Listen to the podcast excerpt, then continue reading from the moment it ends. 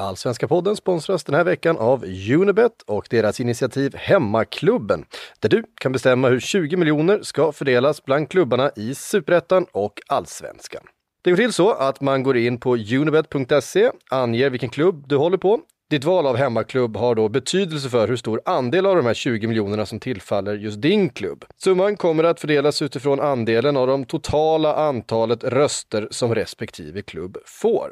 Det lag som då flest har valt som hemmaklubb får 2 miljoner kronor. Varje position i tabellen har ett givet belopp i fallande skala, men varje klubb kommer få minst 200 000. Just nu är det Hammarby i topp med Stockholmskonkurrenterna och Blåvitt som skuggar precis där bakom.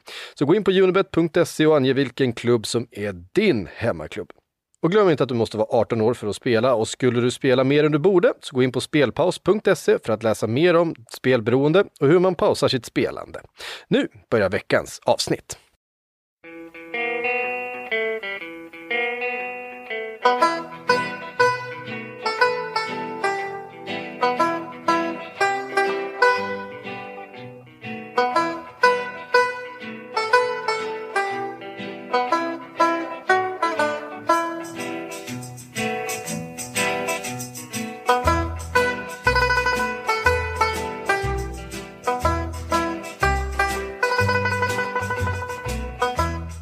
Hej och välkomna till den allsvenska podden som görs i samarbete med Robert Laul och Per Boman. Det är jag som är Laul och det är du som är Boman. Hej Per! Hej! Ja, vi säger som Lasse Lagerbäck, inget har hänt. Allsvenskan är ju fortfarande on hold. Men det hindrar inte oss från att leverera ett nytt avsnitt. Eller som vår hederslyssnare Sven Heibels flickvän lär ha sammanfattat saken. Fantastiskt att kunna göra en podd om något som inte existerar. Men faktum är att ni som lyssnar just nu är fler än någonsin, åtminstone enligt vår producent och det tackar vi förstås för. Idag ska vi prata om Hammarbys kommersiella tvåmålsspel på Tele2. Vi ska prata om den efterföljande Zlatan-intervjun och vi har lite breaking news kring tävlingssäsongen 2020. Vi har lyssnarfrågor och lite annat smått och gott. Men vi börjar med en spaning Per Boman. Vad är det du har hängt upp dig på idag? Ja, eh, det här var lite tveksamt till om jag skulle ta upp det ifall det kanske var lite navelskådande och nästan chauvinistiskt. Men så här är det. Jag var eh, jag var jävligt liksom nere, får man säga, fotbollsmässigt i början av 2000-talet då det kändes som att den norska eh, och danska ligan verkligen plockade russinen ur den allsvenska eh, kakan och liksom skördade vår serie på eh, duktiga spelare. Eh, jag kommer att tänka på det nu när Tim Pritcha allt mer då ryktas till Rosenborg. Eh, hur, eh, hur det var någonting som alltid var närvarande under många år, att när som helst kunde en 3 plus-spelare eller 4 plus-spelare försvinna från ett allsvenskt lag till ett mer lukrativt kontrakt i Norge eller Danmark. Framförallt då Brönnby, FCK, Stabäck och Rosenborg kändes som att de plundrade i princip. Ehm, och jag var ganska förbannad då ett tag, särskilt slutet på 90-talet när Norge var så heta. Man har dels den här träningsmatchen när de slog Brasilien med 4-2 97 och sen den här lite pissiga Kjetil Rekdal-matchen mot det här B-betonade Brasilien 98 i, i gruppspelet. Eh, även för jag i efterhand har fascinerats av att, av att Drillo då, en maoist i gummistövlar, eh, att han då med sin kollektiva fotboll kunde liksom lyckas så bra så, så spydde jag lite på den på den grejen ändå, när liksom du vet Fanerud och Nannskog dominerade Stabäck och vi hade massa killar i FCK med Albeck och sådär, och Mattias Jonsson i Brönnby. När folk vände hem så vände de till, till, till, till de danska och norska storklubbarna. När de svenska spelarna blev helt okej okay, så kunde de istället för att gå till Holland gå till någon, någon jävla klubb i Norge eller Danmark för att göra bra ifrån sig. Och jag ville bara liksom lite nu ja, ta tillfället i akt och glädjas över att det verkligen, verkligen, verkligen inte är så länge. Om någon spelare går till Norge numera, då är det nästan lite sorgligt. Eh, inte riktigt så med Danmark kanske, men framförallt till Norge, då känns det mer som att någon varvar ner nästan eller ja, besöker den, den, liksom, eh, den fule kusinen på något sätt. Eh, så att eh, det var egentligen det jag ville bara, det var en känsla som kom över mig när jag såg det här med Tim Pritchard till Rosenborg, för det kändes så ovanligt. Vad, vad tycker du? Ja, det där var ju en jättediskussion eh, på den tiden, eh, eh, det diskuterades ju hela tiden utifrån det perspektivet just att det var väldigt, vi ska inte behöva släppa våra bästa spelare till Norge. Det var ju liksom en sån målsättning Eh, som alla klubbar och ligan sen hade och eh, det var också det som liksom mynnade, mynna ut i eh, svensk elitfotboll, SEFs då övergripande målsättning där att bli den dominerande fotbollsligan i eh, Norden på alla möjliga mätbara sätt. Det föddes ju det här liksom att, att man tyckte att det var, det var en sorg och en förlust att behöva släppa spelare Eh, till Norge. Eh, när jag hörde att du skulle ta den, ha den här spaningen så eh, kom jag på att i eh, de, det som tidigare hette Ernst Young, det här eh, revisorerna, ekonomiföretaget, de gör ju en sammanställning av allsvenska ekonomin varje år. Deras rapport kom ju här i våras och då då tittar de på det totala marknadsvärdet eh, i trupperna i, eh, i de största nordiska lagen. Och eh, jag hade det i bakhuvudet att, att de hade gjort den här sammanställningen. Så jag tog faktiskt fram den nu. Och där kan man ju se att eh, det totala marknadsvärdet på truppen är eh, högst i FC Köpenhamn. Deras trupp har ett marknadsvärde på 465 miljoner kronor. Eh, sen kommer Bröndby 274 miljoner, FC Mittjylland 256 och sen på fjärde plats kommer Malmö FF då på eh, 208 miljoner kronor följt av Rosenborg på femte plats på 201 miljoner. Sen kom ytterligare två eh, svenska lag, AIK och Hammarby på 160 respektive 142 miljoner och sen två norska igen och så några finska och så vidare och så vidare. Så att eh, Norge ligger ju sämre till utifrån den här då eh, visserligen begränsade eh, eh, bilden. Men det är ju just Rosenborg där då som är uppe på, på topp 5 strax bakom Malmö FF men eh, före AIK och, och Hammarby.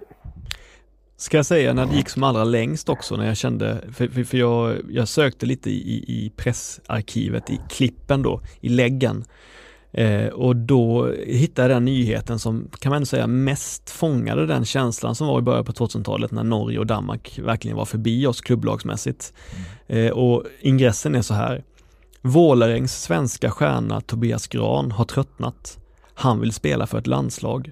Tommy Söderberg ringer ju aldrig. Nu vill jag bli norsk och spela för norska landslaget istället, säger 22-åringen som vann norska kuppen igår. Och han, han fortsätter så här. Jag är bortglömd här i Norge och det tycker jag inte om.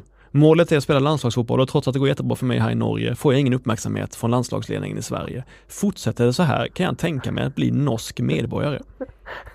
Men, men, han har för avsikt att kolla läget med norska landslagstränaren Nils Johan Semb. Innan jag blir norsk vill jag ha bekräftat att jag inte är aktuell för det svenska landslaget. Men de verkar hellre välja spelare som sitter på bänken i Holland eller England än att satsa på någon doldis som gör succé i Norge, säger Gran. Lite bittert, lägger vår eh, artikelförfattare till. Så att, eh, det var på något sätt kum, det var på något sätt, det var, det var väl crescendot för det här, eh, för den här epoken. Ja det får man ju säga. Frågan är, är dock uh, vad, vad det säger mest om. Om det säger no mest om sakernas tillstånd eller om Tobias Gran. Ja, mest om Tobias Gran tyvärr misstänker jag. ja, ja, ja.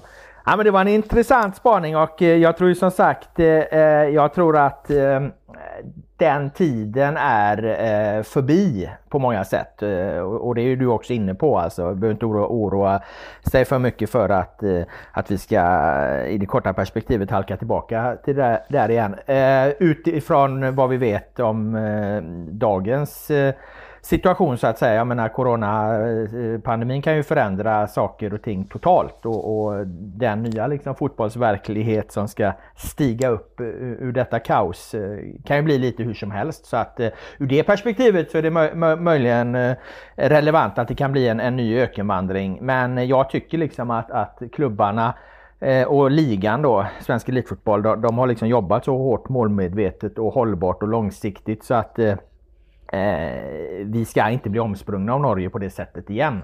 Eh, men däremot som sagt så kan ju coronasituationen ställa till det på alla möjliga sätt. Mm. Eh, därmed lämnar vi din eh, spaning Boman. Jag tackar för den och går över till vårt eh, första huvudämne. Och det handlar då som sagt om eh, Hammarbys kommersiella tvåmålsspel på Tele2 i fredags. Och jag tycker alltså inte att Bayern eh, gjorde något fel där och eh, låt mig förklara varför. Och eftersom det är ett infekterat ämne så att säga så vill jag börja med att ge min grundläggande syn på hur jag själv förhåller mig till pandemin lite kort. Och min inställning är att vi är i krig. Det är, det är ordergivning och befälsordning som gäller. Vi står med ena foten på en landmina, vi har ett skarpladdat vapen riktat mot oss och en handgranat kommer singlandes i luften åt vårt håll. Och då handlar det om att lyda order. Anders Tegnell är vår general. Det spelar alltså ingen roll om man tycker något är rätt eller fel. Man diskuterar inte det ute på slagfältet.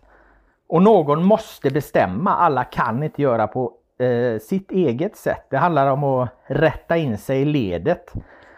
Och sen eh, på kvällen i skyttegraven då kan man ju förstås diskutera. Har vi rätt strategi? Borde vi retirera? Ska vi kalla på förstärkning? Men sen får man ju kliva upp på morgonen igen och lyda general Tegnells order.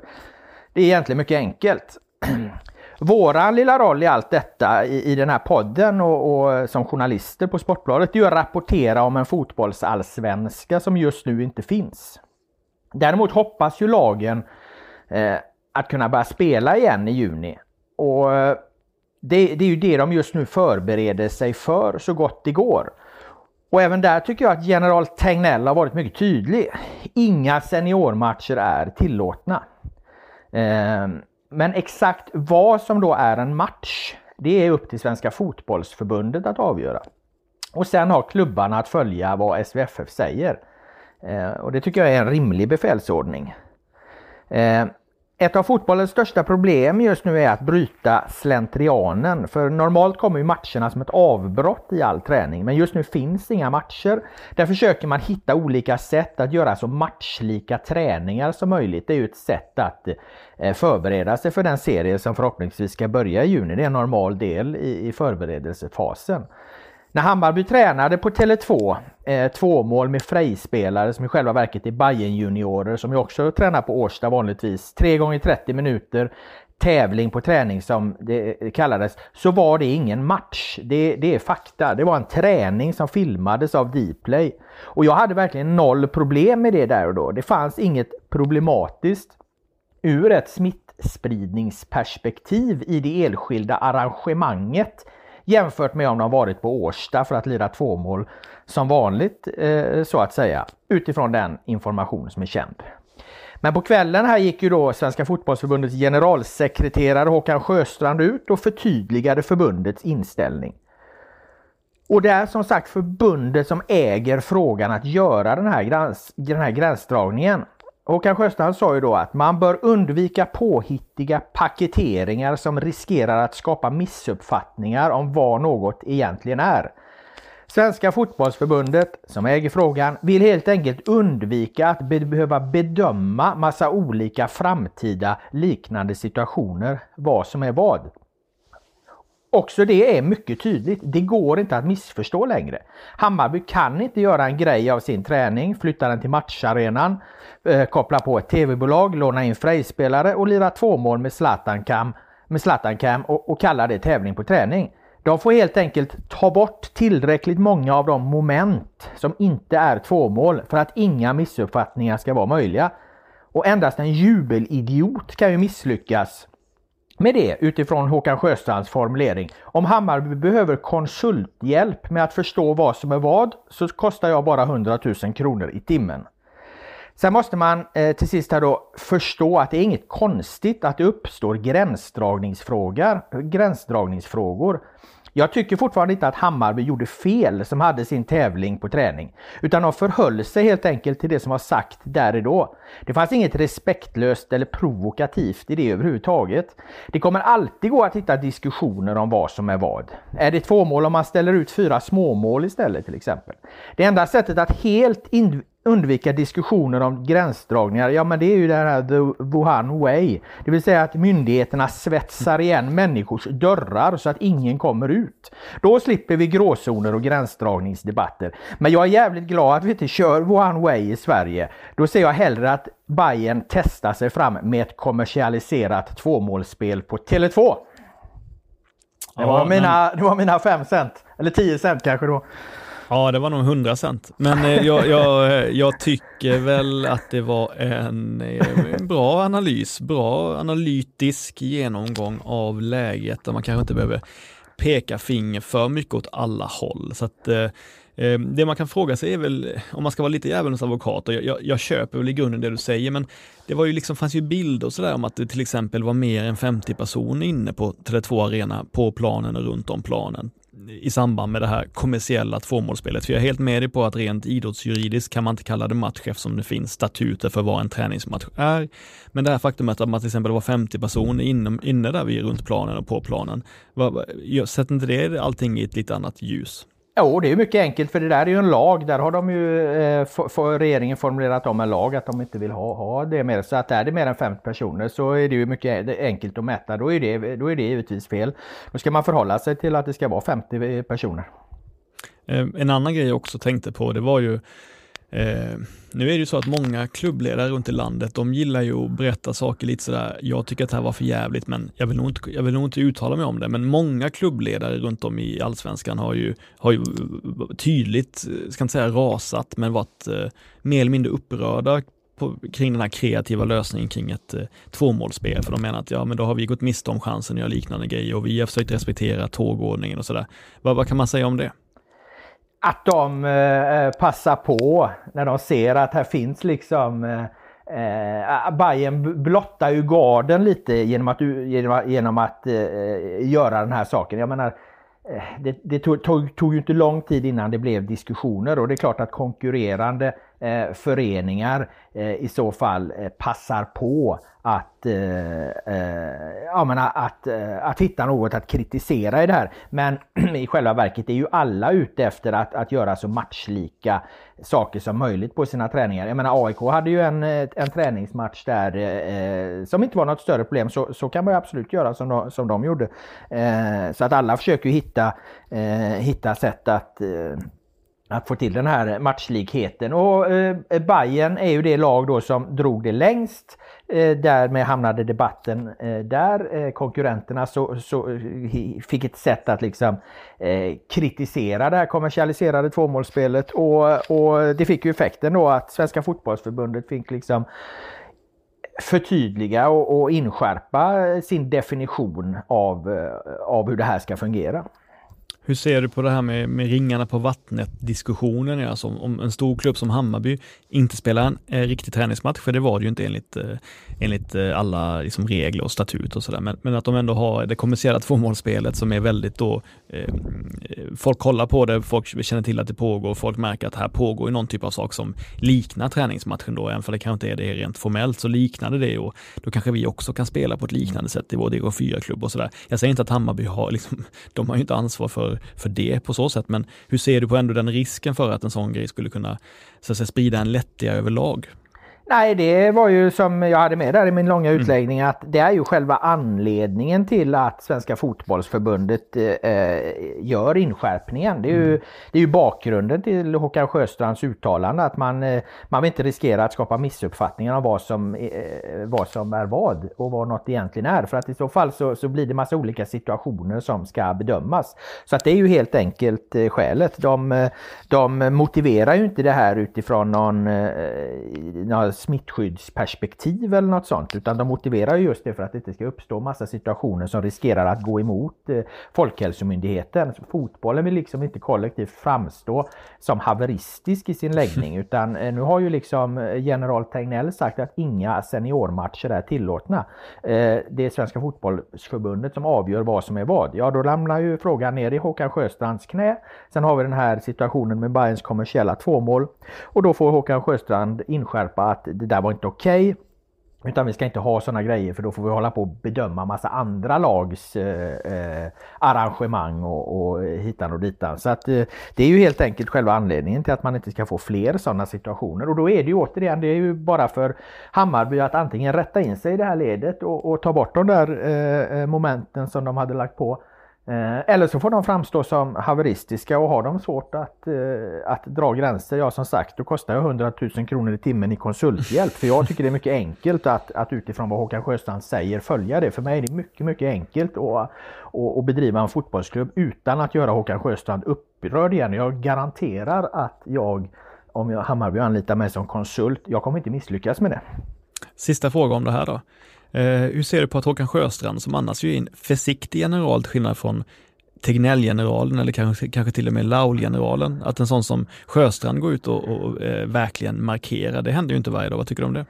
Eh, nej men det är ju för att det är en extraordinär situation såklart. Och eh, fotbollen vill inte framstå som haveristisk i det här läget. De vill inte framstå som att vi skiter i vad Folkhälsomyndigheten säger. Utan när liksom orden har varit tydlig från general Tegnell, inga seniormatcher är, är tillåtna och det sen uppstår en gränsdragningsdebatt. Då är det viktigt för fotbollen att vara väldigt tydliga i den debatten och det tycker jag att de har, eh, eh har varit nu. Eh, det är väl rätt att man som ledare Eh, man ska liksom inte eh, eh, lägga för mycket kraft på småsaker. Det är ju väldigt roligt när någon i media kanske liksom stormar något alldeles oerhört över någon liten detalj eller när någon kändis liksom får, får något utbrott på en petitess. Det kan vara ganska underhållande men för personer med verklig makt så är det viktigt att, att inte orda för mycket om småsaker men däremot när, när det är på allvar det är viktigt att alla rättar in sig i ledet i det här kriget då som vi utkämpar. Ja då tar Håkan Sjöstrand till eh, kraftigare vokabulär. Så att jag tycker att han agerade rätt där. Och som sagt, eh, jag, jag pekar inte finger åt så många håll alls i det här läget utan eh, för mig är det helt begripligt att det uppstår gränsdragningsdebatter och att Hammarby gjorde den här grejen. Men nu har eh, Håkan Sjöstrand förtydligat situationen och då förväntar jag mig liksom att, att Hammarby kommer följa det. Eller jag är ganska övertygad om att de kommer göra det. Eller vad tror du? Tror du att de kommer göra något liknande igen? Nej, det tror jag inte. Jag tror att det kommer vara lugnt på den fronten framöver med egentligen bara eh, klassiskt tvåmål som inte då kan betecknas som kommersiellt tvåmål framöver. Exakt. Eh, därmed kan vi väl gå över på vårt andra ämne som det ju eh, sällan är lugnt kring och det är ju Zlatan Ibrahimovic. För att efter det här då kommersiella tvåmålsspelet så gjorde ju han en intervju med eh, Dplay, sändande eh, bolag, de ska sända Allsvenskan. Det är möjligt att den här intervjun eh, kanske gjordes innan förresten. Eh, det har du den gjordes efter. På, det gjordes efter. Vad sa du? Den gjordes efter tvåmålspelet, ja, det kommersiella tvåmålsspelet. Ja, för att det är du som har koll på den. Eh, jag var upptagen den där dagen eh, med, med annat. Så att du har eh, satt och tittat igenom den här både fram och baklänges. För den blev ju väldigt omdiskuterad, intervjun med Zlatan. Vad var då problemet? Om det nu var något problem med den? Nej, jag har inga problem personligen med det, men det man kan säga om intervjun var ju att han var ju extremt charmant som Zlatan kan vara i när han vill det, liksom när han har ett budskap att få ut eller när han eller när han har någonting att sälja till exempel, eller när, bara, när han bara är på det humöret, utan han var ju väldigt öppen och berättade väldigt mycket. Tommy Åström som gjorde intervjun fick ju väldigt mycket beröm också för sättet han, han eh, då eh, dir dirigerade den. Uh, ja, men jag ska ta upp några punkter som jag tänkte på. Uh, jag har sett att många har sagt att han, att han i princip sa att konstgräs är lugnt för honom nu. Det, så upplevde inte jag det. Han nämnde att det var ett helt annat tempo liksom, och ett bra tempo, men jag upplevde inte som att han sa att konstgräs var någonting han liksom helt plötsligt eh, älskar. Så att, eh, men det fanns ju någon, ett snack om det. Eh, sen pratar han ju om, om framtiden i Bayern då, om vi ska börja med det. Han, då är han ju väldigt tydlig med att han har kontrakt med Milan och att han respekterar det och att där måste man se vad det är som händer. Och sen så har han ju då, säger han ju att vi får se vad som händer i framtiden med tanke på corona, att det är ju uppenbarligen svårt att veta och att vi får se vad som händer med spel i Hammarby. Vissa har ju tolkat det som att han i princip redan är klar och att eh, nu blir det Hammarby framöver liksom. Och eh, ja, det tror jag fortfarande inte. Eh, jag tycker inte heller att det var det jag gillade med Zlatan i det läget, det var att, du vet när han pratade om landslaget inför eh, VM 2018, då var det ju det här, då höll han på liksom med det här kattens lek med råttan-leendet hela tiden, liksom. Det här där han antyder någonting men inte Eh, fullföljer det liksom när han, när han nästan lirkar och leker med folks känslor lite som han gjorde då, eh, för att han tyckte det var liksom underhållande och kanske också kommersiellt gångbart. Eh, så upplever jag inte alls att han var när han svarade på frågor om Hammarbys fram, om eventuellt spel i Hammarby, utan jag upplevde att han eh, svarade rakt och ärligt liksom, i, snarare och, och, och, vi får se, liksom, jag vet ingenting, ja kanske, men jag, jag tror inte det och så vidare. Så att, Eh, vi har ju haft jag... eller jag har ju haft den teorin mm. där att, att eh, om jag bryter lite, att de, dels så testar han sig fram med det här konstgräset och att den här, det här kommersiella tvåmålsspelet kan ju säkert ha varit eh, en del i det, att han, han får känna på det under, under lite då annorlunda former. Ehm, eh, och, och eh, sen har jag varit inne på att det är ett, Hammarby är är ett alternativ för honom. Att allting beror fortfarande på hur kommer fotbollsvärlden se ut, vilka ligor kommer gå igång, vilka pengar kommer finnas, vilka möjligheter kommer finnas för Zlatan och att Bayern där är ett alternativ utifrån hur saker och ting eh, utvecklar sig. Skulle du säga att de två spekulationerna eller teorierna kring vad den här frågan egentligen handlar om fortfarande lever utifrån vad han själv svarade på? Absolut, så är det ju. Det är väl till och med stärkts den, den, den linjen liksom i, i, i uttolkandet av den store Zlatan. Liksom. Ja. Eh, Eh, däremot har jag också då fastnat vid två saker som Bojanic och Tankovic har sagt den senaste tiden.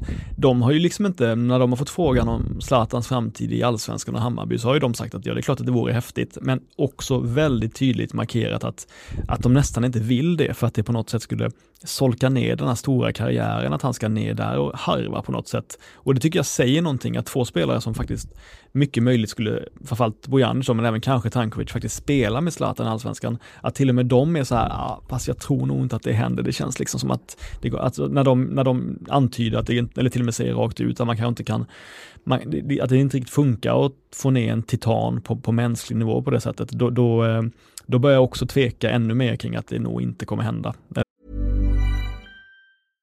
Ready to pop the question? The jewelers at BlueNile.com have got sparkle down to a science with beautiful lab-grown diamonds worthy of your most brilliant moments. Their lab grown diamonds are independently graded and guaranteed identical to natural diamonds, and they're ready to ship to your door. Go to Bluenile.com and use promo code LISTEN to get $50 off your purchase of $500 or more. That's code LISTEN at Bluenile.com for $50 off. Bluenile.com code LISTEN. Eller vad tror du? Ja, både och. Jag har också funderat över just de där två uttalandena. Dels eh, eh för att eh, det var ett ganska intressant eh, resonemang då när jag först hörde det från Tankovic. Eh, och, och, sen då när eh, Bojanic upprepade i princip samma sak så börjar man också fundera varför säger de här två precis samma sak. Det här är ju också spelare som ja, men som är ganska nära Zlatan i den här Hammarby-kontexten. Det är väl typ, han, han mm. hänger ju med ett par där och Tankovic och Kalili och, och, och, och, och Bojanic väl, eh, du får rätta mig om jag har fel. Det är väl de, de har väl synts på bilder tillsammans och så här. Så att de borde ju rimligen veta lite det är klart som fan att de har frågat. Så att eh, jag funderar lite på om det också om det kan vara någonting liksom att de, de faktiskt har fått sätta sig ner och, och eh, fundera på hur fan det här, de ska förhålla sig till det här. För de vet ju också att det, det kommer eh, frågor kring det. Och eh, det är möjligt att de har haft någon då, kanske snack med någon i Hammarbys pressledning med typ Axel Pershagen eller någon liksom. Okej, vi kommer få frågor om det här, vad fan ska vi säga liksom? Eh, Å ena sidan de kanske vet mer än de säger eller också vet de ingenting. Eh, men, men det här är ju ett ganska intressant svar. Det, det gör ju liksom att det blir inte så mycket följdfrågor på det. Man har fått ett ganska så här eh, genomtänkt och reflekterande och resonerande svar och så, så behöver de inte svara så mycket mer än så. De behöver liksom inte pressas eh, på det. Det kanske man skulle ha gjort ändå men i alla fall så, så eh, gjorde ju inte jag det när jag, för jag var den som intervjuade Bojanic och när han hade svarat det där så kände jag mig ganska nöjd. Jag kanske skulle legat på honom men vad fan har Zlatan sagt då? Eh, så kanske jag fått annat svar men, men ja det får vi väl ta vid ett annat tillfälle. Um, sen kommer ju det här som kanske då fick störst uppmärksamhet, det är ju det här han pratade om, om Malmö då. Uh, och nästan på egen hand kom han in på ämnet att, att han uh, att han har gett Malmö mer än 100 miljoner, så någonting har man ju gjort och så vidare. Han har sagt att han har representerat dem över hela världen, eh, att han alltid har liksom, eh, hjälpt dem, trots att han inte var välkommen från början menar han, trots att han inte var önskad, trots att han blev blåst på sitt första kontrakt. Och då menar han väl det här med att dels med Ajax och med Hasseborg, och så menar han väl också att, att det var mycket, en viss oro kring Zlatan i ungdomsåren, att han ibland var nära att bli utkastad för att han eh, i vissas värld var bråkig, i hans värld kanske missförstådd. Ja, du vet, hela den grejen som han har pratat om i sin bok och sådär. Mm.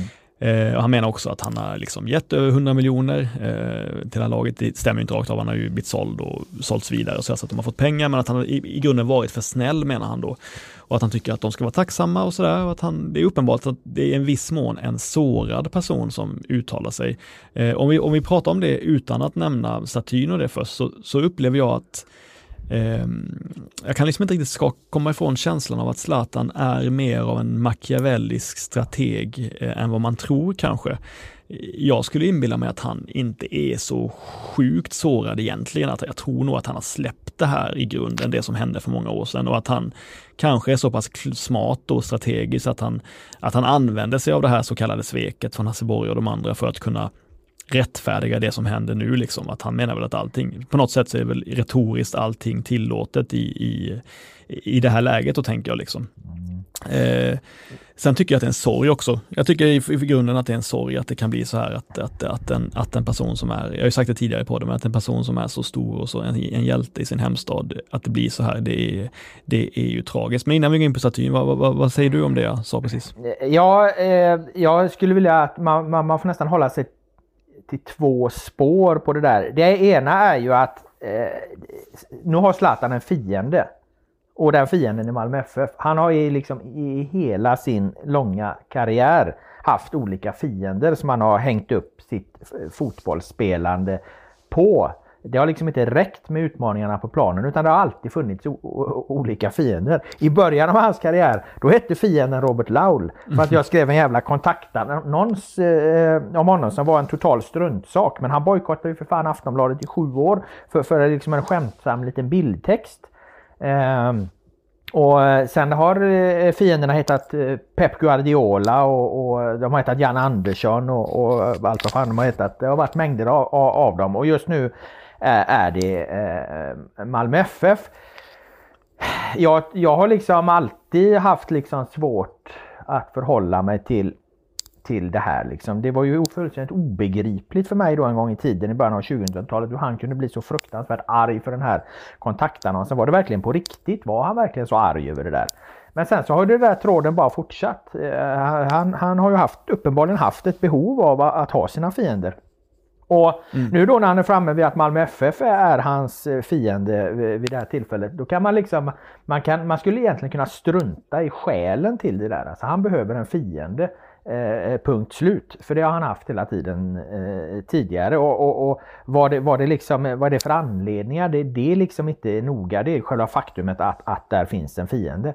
Eh, sen ska, kan jag väl kanske någonstans jag, jag vet inte liksom. Det, det är möjligt att man, man tycker och tror och, och tänker att han han inte borde ha det där behovet längre och att den här fienden kanske mer är någon form liksom av kommersiell dramaturgisk eh, eh, grej. Eh, att den är lite mer påklistrat, att det liksom inte berör honom lika djupt. Men, men, men jag vet fan inte. Alltså det här har ju varit liksom en röd tråd i, i, i, i hela, under hela hans fotbollskarriär. Det här liksom behovet eh, av att, att ha en yttre fiende, att komplettera sitt fotbollsspelande med, med på. Så att det går ju väldigt mycket i linje med hur det har varit hela tiden. Nu kommer han till Allsvenskan, ja, då ser han, om han nu gör det, då ser han till att ha en, en väldigt tydlig fiende här och det är Malmö FF. Och det är vad hela fotbollssäsongen 2020 kommer handla om om Zlatan skriver på för Bayern. Det är ju, det är ju Zlatan vs MFF och, och eh, dramaturgin runt det. Vi kommer inte få skriva om något annat. Nej, precis. Eh, nej, men jag tänkte på det också. Så jag minns Sportbladet var ju ändå då som intervjuade Zlatan först om det här med eh, när han skulle bli delägare och då fick han ju frågan om Malmö och det, jag, upple jag upplevde nog att han faktiskt inte att han inte trodde att det skulle bli en så stor grej. Jag tror inte han hade insett att det, det kunde väcka ett sånt hat. Um, så jag tror att det tog honom på sängen lite. Möjligt att han tog sin legendarstatus lite för given på något sätt. På, på, på, den, på det sätt som den människor gör som är uppe på Olympen. Liksom. De, de kanske inte ah, men det alltid vet funderar fan, så mycket. Att, jag menar, där, det hedrar honom för att där, även jag är lika oförstående till hur, hur det kan ja, få mm. sådana jävla eh, reaktioner bland de här människorna som liksom, om man får prata om hans staty nu då, eh, ger sig på den. Alltså med mig det, det är så jävla skevt och det är så sjukt och det, det, det är sånt, eh, det är så snett att det, att det får sådana konsekvenser. Så att där förstår jag att Zlatan i den diskussionen, i den kontexten, där, där plockar han fram argument som jag ju faktiskt liksom bidragit med 100 miljoner kronor om inte mer till den här mm. föreningen och sen händer det här. Det är, jag förstår om Zlatan var och är helt eh, häpen häpen över hur fan det kan bli sådär. För det är jag. Jag är fullständigt häpen över, över hur människor kan reagera. Så hur man kan liksom titta sig själv i spegeln efter man har varit och sabbat hans staty. En person som trots allt har dratt in de här 100 miljonerna till eh, föreningen bortsett från allt annat. Jag menar 100 miljoner är fortfarande mm. 100 miljoner oavsett hur mycket vatten som rinner under broarna. Så är det ju. Nej, men jag tycker att man får hålla det på, på två nivåer där. Jag har full förståelse för alla människor som känner sig alltså brutalt svikna och eh, på något sätt så har någonting vad ska vi säga, att man har liksom plockat ett organ från ens kropp nästan, liksom, du vet, eh, tagit ut en njure från någon. Liksom. Eh. För jag tror att den kärleken som många i Malmö har känt för Zlatan har varit liksom extremt stark.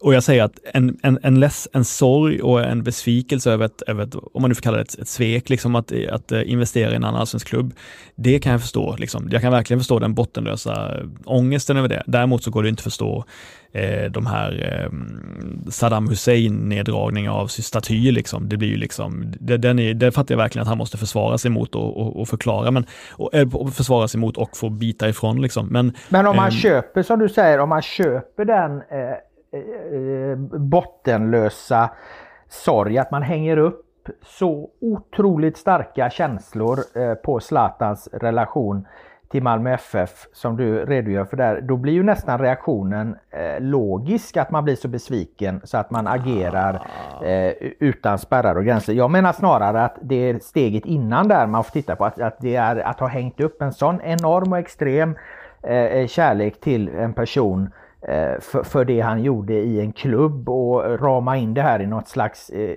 klubbtillhörighetsperspektiv. Där uppstår ju grundproblematiken egentligen. Det är ju den som senare då får liksom de här eh, konsekvenserna. Jag tycker att det blir snarare liksom det första perspektivet som blir lite snett. Jo, men människor är ju irrationella liksom. Men alla människor är inte lika logiska och analytiska som du är till exempel när du går igenom Nej. det kommersiella tvåmålsspelet i Hammarby. Alltså jag menar bara att eh, det är ju på samma sätt som att det finns kyrkor för Maradona i Argentina liksom, som dyrkar honom. Jag menar, det är klart att det finns, Zlatan var ju ändå en, en, få, en en, en nästan enda svenska spelaren som har haft den relationen till människor. Eh, och jag tänker på alla Malmö-människor som alltid har försvarat honom på den tiden när inte han var alltid gångbar i alla kretsar, när inte han var en nationalikon utan någon som slog sig uppåt, så var det väldigt många människor som investerade mycket i honom mm. och försvarade honom till varje pris som helst under många år innan han var, innan han var kungen över allt så var det ju ganska många år där, där han kanske var dålig i VM 2006 eller där han kanske var lite stökig inför någon, i samband med någon match. Och då fanns det ju ett stort, en, en, en minoritet som, som liksom försvarade honom mm. hur mycket som helst. Och jag tänker att många av dem var nog från Skåne och från Malmö och många av dem som tycker att de har kanske stöttat det väldigt mycket jag känner ett, eh, eh, en besvikelse då. Liksom. Jag, säger, jag tycker inte heller att det finns, liksom, bara för att man, jag, tror man kan, jag tror man kan känna extremt starka känslor utan att gå till att göra liksom, utan att gå till aktion på något sätt. Jag, jag, jag tror inte att det behöver leda till det andra. Liksom. Nej, men, men, då blir väl eh, hela den här situationen blir väl i så fall en påminnelse om att man kanske ska mer se saker för vad de är än att blint eh, försvara någon då som när du eh, tar exemplet att eh, man för, de har försvarat Zlatan i, i alla tider liksom och nu känner de sig svikna. Ah, men det, det, det, det kanske inte heller var så bra då att man höll på att försvara honom i alla lägen. Man kanske faktiskt skulle tittat på de här olika situationerna. Vad är det? Fanns det en poäng i att Zlatan fick kritik i media? Man kanske inte skulle vänt sig mot media exempelvis. Man skulle tittat på vad Zlatan faktiskt gjort och, och gjorde och, och, hur han agerade och inte liksom eh, målat in sig i, i, i, det hörnet så att reaktionen nu då blir så, så kraftfull. Det, det, det är lite det jag menar med liksom att, att eh, Eh, jag, jag, menar inte bara att reaktionen på det som nu sker utan det är liksom det är, är, fel utan också det som har byggt upp den här eh, reaktionen. Det har inte varit sunt och det kan jag tycka är en, det är liksom en osund del i hela den här eh, idoldyrkan eller eh, supporterkulturen eller allt när det här sammanblandas då liksom att man blir liksom blind och, och eh, när man bygger upp de, de känslorna för det då reagerar man också oproportionerligt om det inte liksom blir som man tänkt sig. Så det är väl ett litet wake-up call för, för en och annan, eh, även bland de som inte är ute och vandaliserar hans staty menar jag. Mm. Nej men intressant, absolut. Um, Det är väl, jag vet inte, jag, mer än så. Det var en ganska lång diskussion om den intervjun, men eh, jag, jag, mm, det var väl något, en grej till jag fastnade för. Det var ju det här när han du vet, det var som att han gav ut en hand till Janne men ändå inte. Jag tror att det här, det här, det här jag ska säga nu tror jag var ett sätt att be om ursäkt till Jan Andersson, fast att det var om, en omskrivning för det. Eh, för han fick en fråga om det här med landslaget och varför gjorde han så här egentligen? För bollade han med folks känslor lite när han antydde att han skulle spela liksom och sådär. Och då sa han, landslaget, den dagen jag slutade så slutade jag. Det var bara en kul grej att liksom bolla med medierna. Och Janne blev stressad, men då får han känna hur jag lever varje dag, 24 timmar om dygnet. Någon annan ska få känna på det någon gång också. Och det upplever jag nästan vara någon slags, du vet, en förklaring till att eh, jag, får, eh, jag får ge mig på Janne ibland för att, eh, för att eh, jag får ju den här skiten hela tiden liksom. Jag måste få liksom Ja, det var som att han ville förklara vad som hände där. Liksom. I, I, min värld var det nästan en ursäkt för att vara från Zlatan. Mm. Ja, jag förstår vad du menar, för att om man tittar på hans bok eh, så är ju, han är ju inte personen som ber om ursäkt. Och eh, det är klart att det, det, är synd, för det måste man ibland kunna göra när man har gjort fel. Och Zlatan, precis som alla andra människor på, på den här jorden, eh, har gjort fel under sitt liv. Jag har gjort det, och du har gjort det, alla har gjort. Eh, han han eh, gör inte det. Däremot så har han ju en annan egenskap och det är att han, eh, han kan vara jävligt ärlig. Och det tycker jag att, eh, att han, eh, många delar i hans bok är ju väldigt ärliga. Han, han berättar, okej okay, det, var, det var så här det var eller det var så här jag upplevde det och jag gjorde så här därför att. Och sen får folk liksom, ja men då får folk döma eller dra sina slutsatser eller förhålla sig eh, till det. Och det, det uttalandet du nu refererar till, det går ju precis i linje med, med, med det. Han eh, blottar liksom sitt beteende och han inser ju att det beteendet som han beskriver det är klandervärt.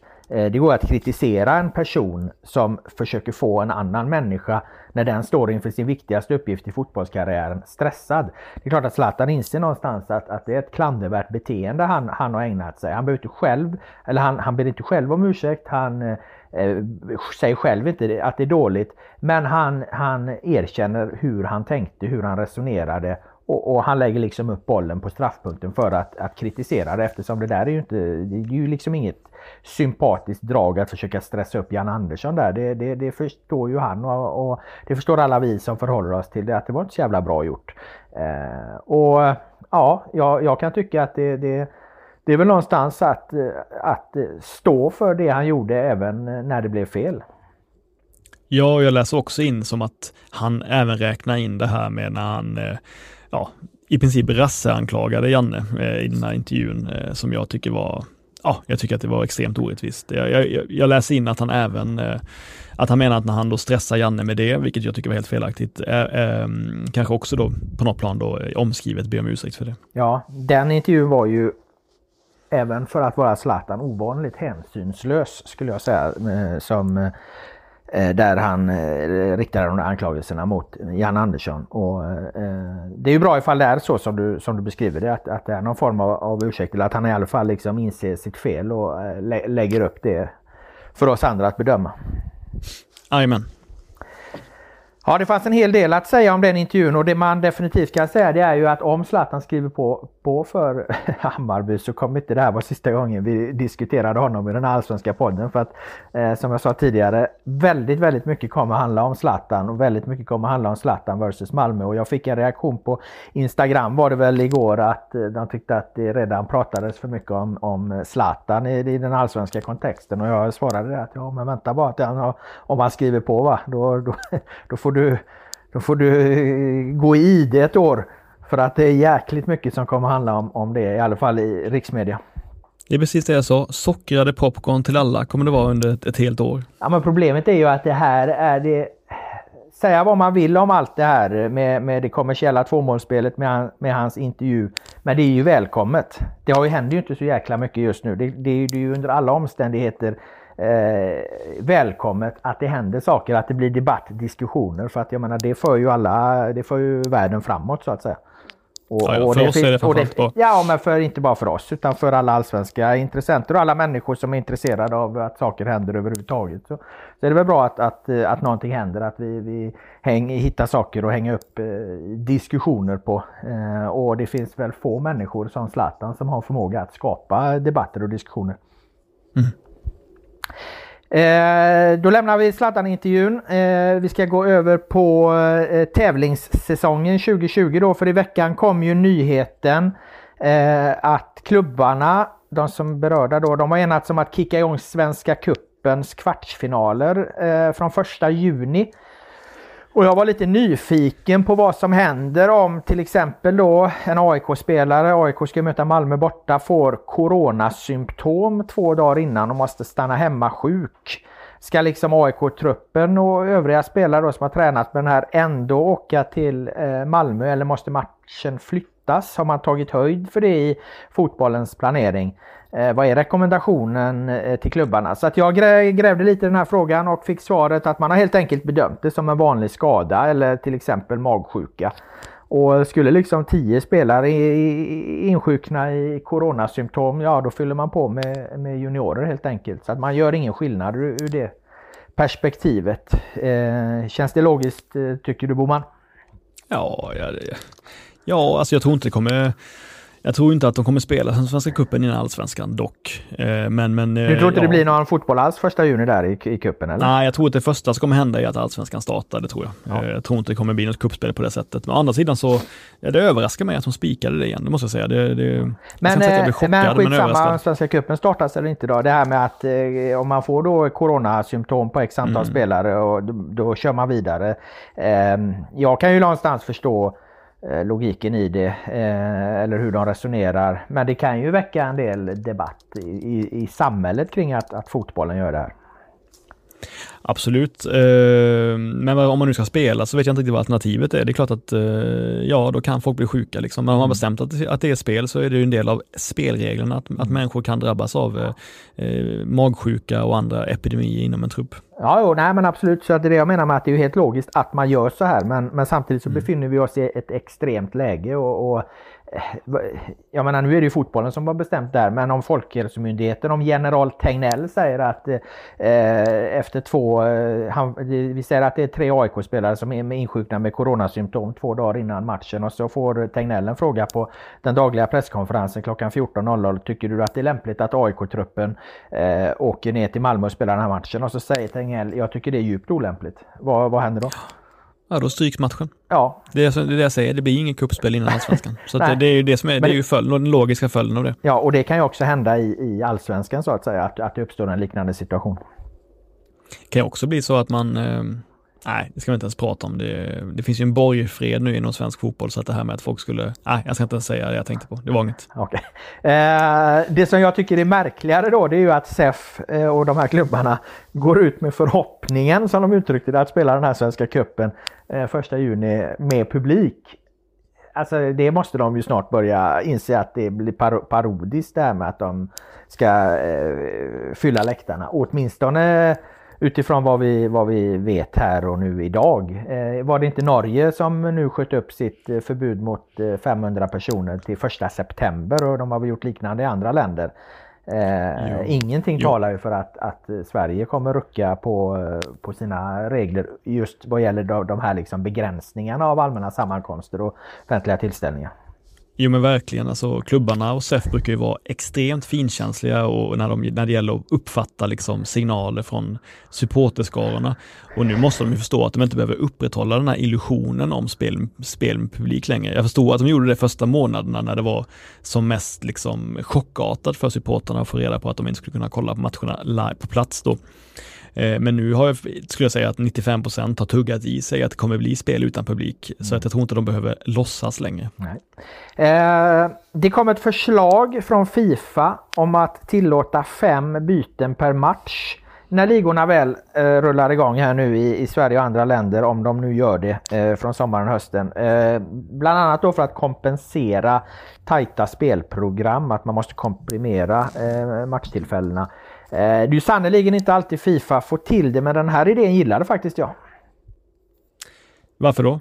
Ja men just för att den handlar om att skydda eh, spelarna i ett eh, extremt läge. Och Ehm, Ehm, regler som eh, tar höjd för att, att eh, skydda spelare på olika sätt. Eh, de tycker jag är bra. Jag reagerar till exempel mycket, mycket starkare på en vårdslös, ful, farlig tackling som kan skada en fotbollsspelare än, än om någon liksom eh, Eh, töjer lite på reglerna och förstärker eller filmar som ju brukar uppröra folkdomstolen något alldeles oerhört. Då blir jag mer upprörd över när det är fara för spelares hälsa. Och, och, och, på, och på, samma sätt tänker jag här liksom att, att nu ska man då förhoppningsvis rulla igång fotbollen igen. Man ska spela mängder av matcher på kort tid. Det ökar skaderisk, det kan förstöra karriärer. Eh, kan man då liksom på något sätt kompensera för det här genom att och, och göra ett, en förändring i fotbollen som, som inte är problematisk ur perspektivet att, fotboll, att jämföra fotbollen över tid. För det är det ju faktiskt inte med fem byten tycker jag. Eh, då, då tycker jag det är en, eh, då tänker man i rätt riktning helt enkelt. Mina första oro var liksom att jag var rädd att det skulle bli La Manga-fotboll, du vet, när det blir så mycket byten och nya matcher. Men sen så insåg jag ju att Eh, det är inte så att tränarna vill få till träningsmatcher, liknande matcher. De vill ju få, de kommer ju inte byta för sakens skull och köra många byten samtidigt om det är så att deras egna spel kommer hakas upp av det eller bli sämre. Så därför insåg jag att det är liksom, eh, det kommer ju användas på ett annat sätt, kanske med tio minuter kvar, kanske man stoppar upp, stoppar in två yttre till liksom som är fräscha och kan springa och sådär och vara jättesnabba. Eh, snarare än att det blir liksom det här pajaseriet med, med ett, ett halvt nytt lag efter paus liksom. Så att, eh, Nej, jag har väl inga, alltså det känns, alltså instinktivt så är jag emot det, men jag har ingen logik bakom det så att, som, som stödjer min, som stödjer min eh, oro. Det är bara det gamla klassiska att vi människor har, alltid har lite svårt för förändringar precis när de inträffar, men sen brukar vi liksom acceptera dem. Mm. Ja, det blir inte mycket debatt, debatt på det eh, eh ämnet och vi är ganska överens om eh, eh fem byten. Däremot är det ju en liten problematik vad jag förstår eftersom Sveriges säsong ligger lite annorlunda. Det är väl om det här eh, klappas inför spel, eh, spelåret eh, 2020-2021. Alltså den säsongen eh, så kan det vara svårt att, för allsvenskan att införa det om allsvenskan nu börjar i juni. Så det, det, är väl det som talar emot då att vi får se fem tillåtna byten i, i allsvenskan eh, här i år. Då. Mm.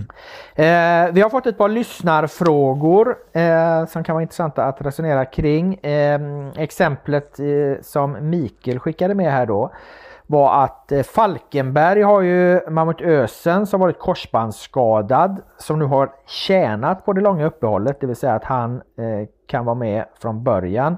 Vad finns det för liknande fall i Allsvenskan undrar Mikael och jag tänkte snabbt på det här och eh, kom ju fram till att två tydliga exempel är ju AIK och IFK Göteborg. AIK får tillbaka Nabil Bahoui från början av eh, eh seriestarten. Blåvitt får eh, eh Paka Lagemyr frisk igen förhoppningsvis. Eh, och kanske även Jakob Johansson hinner signas eh, och komma igång och Eh, för i Göteborgs skull då i extrema lyckofall då så Marcus Berg skulle kanske hinna flytta hem. Eh, vi har Djurgården. Erik Berg, Erik Berg. tillbaka spelklar eh, efter sina långvariga och segdragna skadeproblem, vilket är fint för Djurgården i så fall. Ehm, det var de jag spontant kom på. Jag vet inte om du har några fler? Nej, jag kan väl ta de som har kanske får större problem i så fall. Det är väl att Malmö har ju inte Isak Kistelin, liksom. hur blir det med hans lån? Eh, går han tillbaka till sin klubb eller stannar han kvar eller inte? Det är ju ett problem. Eh, det finns väl, vad heter han, Timossi Andersson i HIF vars eh, lån går ut. Jag menar, det är väl ingen stor grej så, men, eh, nej, men det är klart att eh, på samma sätt å andra sidan som att, som att eh, AIK gynnas av, av, av att Nabil eh, kommer tillbaka i full form, så missgynnas de också av att Sebastian Larsson blir ett halvår äldre. Så jag menar, det finns ju åt båda håll samtidigt, liksom att man kan ha problem också med att äldre spelare kanske får svårare att komma igång nu eh, med, när de inte haft eh, kontinuerlig matchning under en längre period. Fan, men undrar vad eh, Larsson själv skulle tyckt om, om, eh, om eh, den analysen, att han blir ett halvår äldre här nu, om du nu i det lägger att han även blir ett halvår sämre. Han är väl dock den spelaren som är mest lättränad i Allsvenskan, så det kanske var dåligt eh, förslag. Jag säger Henok Goitom istället då. Ja, jag förstår vad du menar. Du, eh, ska vi se, Joel undrar här om eh, Muamer Tankovic sticker till Grekland, som det ju är spekulationer om, även om man tror man ska ta flytt rykten med en ännu större nypa salt än vanligt i de här tiderna eh, eftersom det ja vad fan, vi går ut den som lämnar landet ju, just nu. Eh, vem ersätter honom till vänster i Hammarby? Och det är väl en intressant fråga eftersom Bayern har så många olika alternativ. Men just till vänster där så, så är det väl, tänker jag, Paulinho är ju en, eh, spelare utgick ju oftast från vänster i, i Häcken. Så att om Tankovic sticker så är väl det raka svaret Paulinho. Ja, det är ju givet. Det finns ingenting mer att säga om det än så. Att det gör ju också att vi slipper den här diskussionen om att Paulinho ska kunna spela tia, vilket han kanske kan, men jag vill inte mm. se honom som tia. Och då kan Khalili ta den rollen istället. Så att, Eh, Eh, de har ju redan gjort färdigt pusslet på förhand, eh, Hammarby, så det är ju egentligen noll problem. Utan det är klart att det är trist att tappa den liksom poängkung på det sättet, men, men de har ju det extremt väl förspänt. Eh, få klubbar har förberett sig så bra för, en, för, för att tappa en viktig spelare som, som Hammarby redan har gjort, så det är imponerande. Men tror du Kalili kommer spela tia i Bayern där då? Eh, jag tänker ju att du har Gustav Ludvigsson där som är mer löpstark. Vill de ha in en boll? Mm. Trillande Kalili framför en, en löpande Ludvigsson. Jag är inte så säker på det. Eh, men då uppstår ju problemet istället var ska eh, Kalili i så fall spela? Ska han peta Bojanic eller Jeppe Andersen som har fungerat väldigt bra ihop? Det, det eh, känns ju också svårt.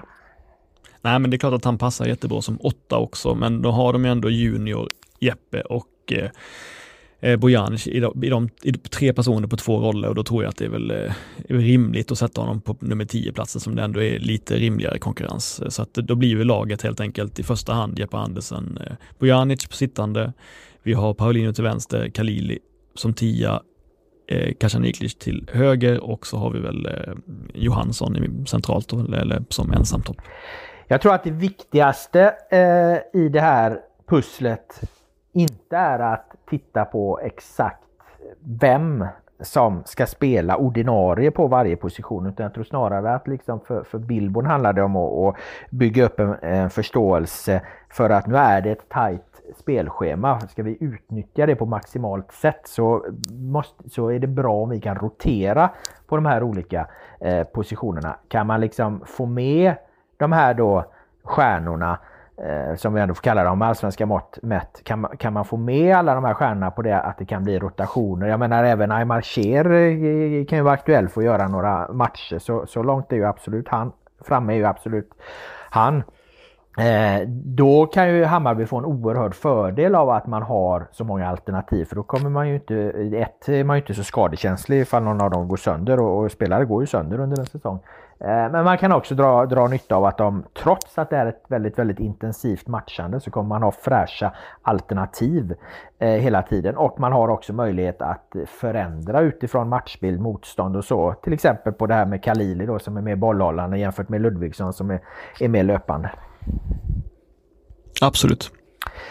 Det var de lyssnarfrågor jag hann ta in eh, hittills. Eh, därmed har vi avhandlat dagens eh, ämnen. Jag skulle dock vilja avsluta med att tipsa om vårt eh, nya eh, grepp som vi har på sportbladet.se. 30 snabba frågor som vi kallar det. Vi har gjort Stockholmslagen. Nu går vi vidare med Blåvitt, Norrköping och Malmö. Och även de lite mindre klubbarna ska vi försöka hinna med eftersom det har blivit så lyckat. Vi väljer alltså ut en stjärna, en profil och en talang i eh, varje lag och ställer 10 eh, rappa frågor till, till de här eh, personerna. Gå gärna in på sportbladet.se och läs och tipsa om vilka profiler ni vill att vi ska intervjua framöver. Eh, något annat du vill avslutningsvis tillägga Per? Eh, nej, det är ju att vi har suttit på två olika ställen idag. Du har suttit i hemmet och jag har suttit på i, i poddstudion. Så om det är lite dåligt ljud något tillfälle så beror det på det. Ja, eh, jag har suttit i min, min fåtölj och spelat in podden. Det var mycket bekvämt. Eh, om ljudet bara har varit bra, vilket jag inte vet just nu, så eh, kommer jag föreslå att jag kan sitta i den här fåtöljen och spela in fler eh, poddar. Nu ska jag återgå till att eh, se eh, Pans labyrint för andra gången på två dagar. Eh, ett guldkorn som jag helt har missat. Eh, har du inte sett den Boman så rekommenderar jag den varmt. En fantastisk saga med en fin sensmoral om att det mesta löser sig till slut. Nu tackar jag, jag dig. Natur... Nej, vänta, vänta. Jag har naturligtvis sett Pans labyrint, ja, men jag, ja. jag synar dig och höjer dig med den bästa filmen om spanska inbördeskriget och det är ju Land och frihet, så den kan jag eh, eh, rekommenderar alla att kolla på. Okej, okay, ja, ja, men det är bra. Då fick vi, då fick vi två filmtips om det spanska inbördeskriget. En med sensmoralen att det mesta ordnar sig till slut. Eh, nu tackar jag dig Boman för att du eh, var med i den här podden med dina kloka synpunkter och åsikter. Jag tackar alla som har lyssnat. När allsvenska podden är tillbaka eh, nästa vecka. Nu blir det The Village Stompers med Washington Square.